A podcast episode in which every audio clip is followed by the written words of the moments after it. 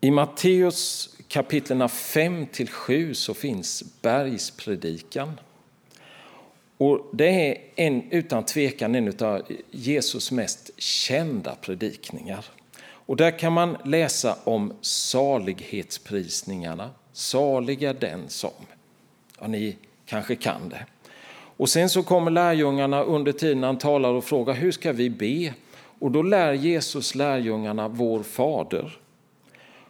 Och här finns också gyllene regeln med, allt vad ni vill att människorna ska göra er. Och så handlar det om att bygga sitt liv på en hållfast grund. Och sen kommer man fram i sjunde kapitlet om olika vägar. Och det är där vi ska hamna idag, alltså hur vi väljer i våra liv. Och vi ska läsa en text ifrån Matteus 7, verserna 13 och 14. Och det är Jesus som säger Gå in genom den trånga porten. Ty den port är vid och den väg är bred som leder till fördärvet och det är många som går in genom den. Men den port är trång och den väg är smal som leder till livet och det är få som finner den. Amen. All vandring tillsammans med Gud det handlar om att ha ett öppet hjärta. Att man har en beredskap inne i hjärtat att lyssna på alla signaler som dyker upp i mitt inre utan att censurera dem. Jag tror att vi har så lätt att trycka ner tankar och nedvärdera de där tankarna som man har utan att göra någonting åt dem. Och gör man det alldeles för länge i sitt liv så tror jag att de där tankarna man har tryckt ner de kan dra iväg mig åt håll som jag inte ville gå. Men har jag ett öppet samtal med Gud om alla mina tankar i mitt hjärta så hittar jag lättare, så finner jag lättare den väg Gud vill att jag ska gå. Och då har jag tänkt på två ytterst enkla frågor som man kan tänka på. Så man kan fånga upp de där signalerna som är i mitt liv. Vad längtar jag efter? Och vad hindrar mig att längta efter detta? Och vad längtar jag efter? Jag kommer ihåg att det finns inte ett svar. Jag har tänkt så här.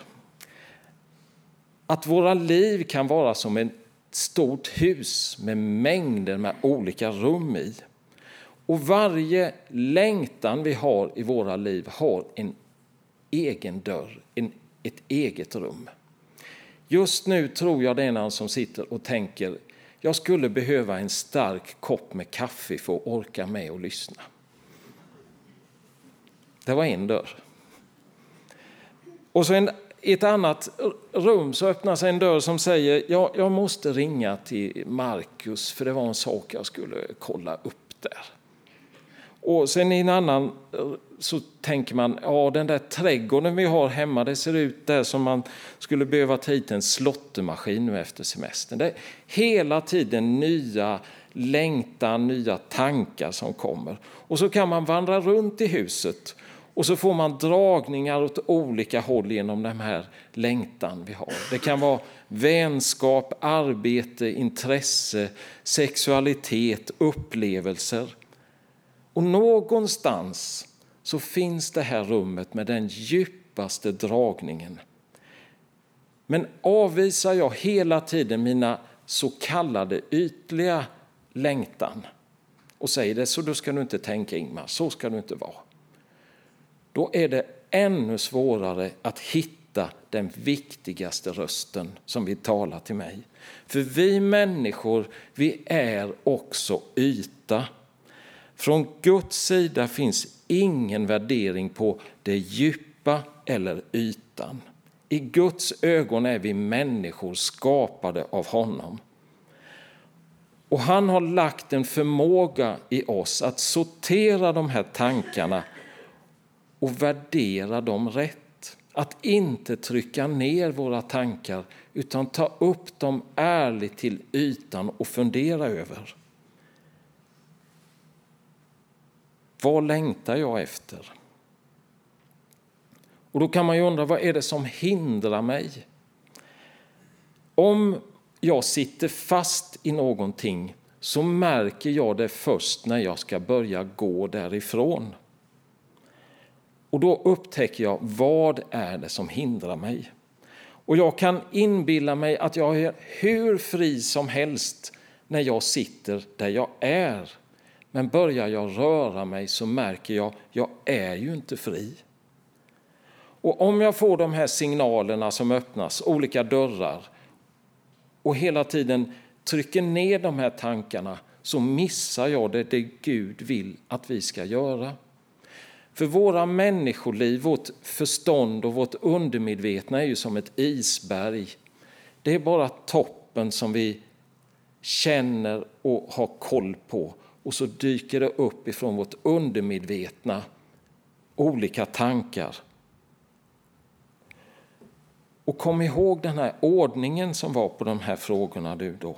Vad längtar jag efter och vad hindrar mig? Inte vad är ditt problem? Det är inte det Gud pratar om.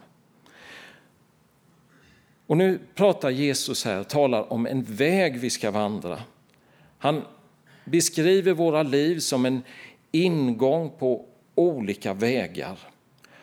Och jag har funderat lite på detta. Är verkligen livet som en väg för oss nu för tiden? Jag har tänkt så här istället. Att livet nu för tiden uppfattas som en cirkel. Ja, ni får hålla med eller inte och så får ni prata om det vid fikabordet sen. Jag tror det är så här i dagens samhälle att vi har en cirkel där vi placerar oss själva i mitten.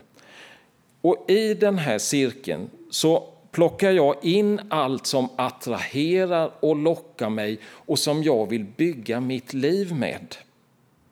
Och det är ju en fullständigt gränslös marknad för oss som bor i i-länderna. Vi kan plocka in hur mycket som helst av det vi vill ha och det jag själv tycker att jag vill ha. Och sen sätter jag stopp ibland för sånt som jag inte vill ha. Och då fyller jag mitt liv med det jag själv tycker är mitt goda. Och kommer jag i olika valsituationer i mitt liv som hotar min världsbild, då börjar det skaka i den här ringen. Men jag kan också dra mig in i min cirkel och vara kvar där och tycka att det är tryggt. Nu för tiden så tror jag att det är så mycket som handlar om den här ytan, hur jag ser ut, vad jag gör, det här skenet jag har omkring mig, min image. Och om man tittar omkring i samhället så kan man använda den här bilden igen. Så handlar det ju mycket om vad vi får för respons och hur mycket man får tillbaka när man säger någonting. Man kan ge omdömen och ni läser i tidningarna hur kändisar beskrivs. Och jag erkänner att lägger jag ut en bild på Instagram så är jag jättelycklig om 58 gillar den bilden. Då har jag ju fått min självbekräftelse. Att jag tog en bild på 20 traktorer som var på väg in i färjan där. Och då får man 58 gillar. Ja, det var, ja, jag kan nog ändå. Och på Facebook och Instagram säger allt det där det är trevligt och man ska vara kunnig och snygg och förtroendeingivande och rolig. Och det är de här input, input vi får i våra liv och som det är så lätt att vi lever av. Och det är allt för lätt att när människor kommer nära då, om jag släpper några alldeles för nära, då upptäcker man att det är ju inte riktigt så. Det blir sprickor i den där ytan som jag har. Men vi har fått val här utav Jesus. Att vi ska välja. Gå in genom den trånga porten. Vägen är smal, säger han. Och man kan ju undra, kan det, kan det verkligen vara så attraktivt? Kan det vara någonting att ha? Är det inte bara förlegat det där du håller på och pratar om nu Ingmar? Visst är det smidigare att ha den där cirkeln och inreda själv än att gå den där vägen som Jesus säger. Men då, om vi använder Bibeln som perspektiv, och det tror jag är väldigt viktigt. Bibeln är en sådan kunskapskälla och ett sådant, en sådan möjlighet att få perspektiv på livet. Och då ska vi gå tillbaka ända till Mose. Och Mose var den man som Gud kallade för att rädda folket ifrån slaveri i Egypten. Och Mose talar i femte Moseboken till folket och till den som ska efterträda honom, Josua. Och då säger han så här. Jag tar idag himmel och jord till vittne på att jag har ställt dig inför liv och död, välsignelse och förbannelse. Du ska välja livet så att du och dina efterkommande får leva. Du ska älska Herren din Gud, lyssna till honom, hålla dig till honom, ty detta ger dig liv. Du ska välja livet. Bibeln ser inte livet som en cirkel eller ett smörgåsbord där jag kan plocka in bitar som jag vill ha själv utan det handlar om något annat. Här står människans val mellan liv och död. Jag gör ett ställningstagande som är så grundläggande för hur mitt liv kommer att vara. Och I Bibeln så tillmäts det här olika valen vi har att göra en sån jättestor betydelse så ibland blir jag nästan rädd. Men du ska välja livet för detta ger dig liv. Det är inte bara livet nu det handlar om, utan det handlar också om evigheten. Men det är så lätt att man ibland bara tänker, jag väljer för det som är i evigheten. Men det är livet nu också tillsammans med Jesus. Vi ska välja livet. Temat för söndagens gudstjänst är andlig klarsyn. Och det tror jag är något som vi borde våga att använda mer. Och då har jag också tänkt i frågor här. Att man kunde fundera på två olika frågor. Vad ger mig liv? Och vad dränerar mig på liv? Jag har nog talat om det här tidigare, men jag tycker det är så viktiga frågor. Och då är det så viktigt att tänka på eftersmaken. För läser du Matteus 7 om den trånga porten så kommer du sen se att det handlar om eftersmaken, om frukten. En erfarenhet den kan vara så häftig så ljuvlig och spännande och rolig. Men det avgörande kriteriet är vad blir det för eftersmak? Är det en mättnad som är kvar? Jag känner mig lycklig. Det har gett mig något, jag har växt. Då är det en god eftersmak.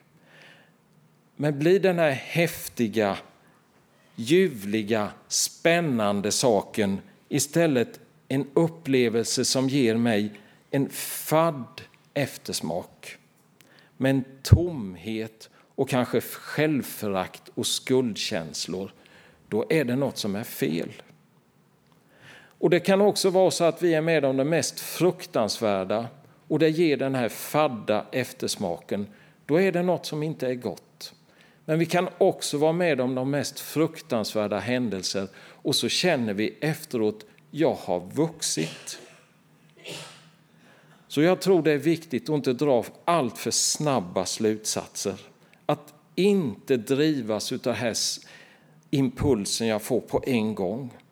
Att jag också är medveten om att jag bor i Sverige som är världens mest sekulariserade land.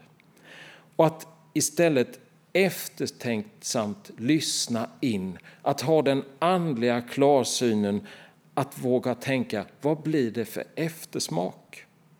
Och då är det att börja välja i djupare mening. Men sitter jag i min cirkel och väljer själv, då är det så svårt att ta emot av det här eftersmaken att hitta rätt i sitt liv. Och när Jesus talar om den trånga porten och den, att den är smal så handlar inte den om att den är oattraktiv. Han säger inte att det är få som finner den, att, att det är få som vill gå den, utan han säger det är få som finner den.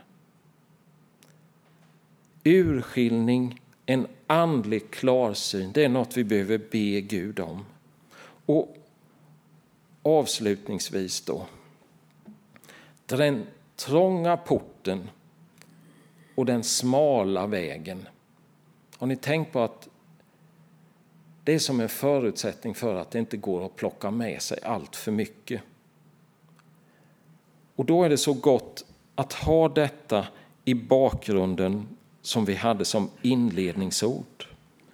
Ett ord som jag har funderat och levt lite på i sommar. Vilken Gud är som du. Du som tar bort skuld och förlåtelse och synd hos dem som är kvar av din egendom. Din vrede består inte för alltid. Du vill helst visa nåd. Du vill helst visa nåd. Det är vad han djupast sett vill. Han vill visa oss nåd och hjälpa oss att gå våra livsvägar. För det är vad vi behöver. Vi behöver nåden, vi behöver vägvisningen, vi behöver den här andliga klarsynen. Ska vi be tillsammans?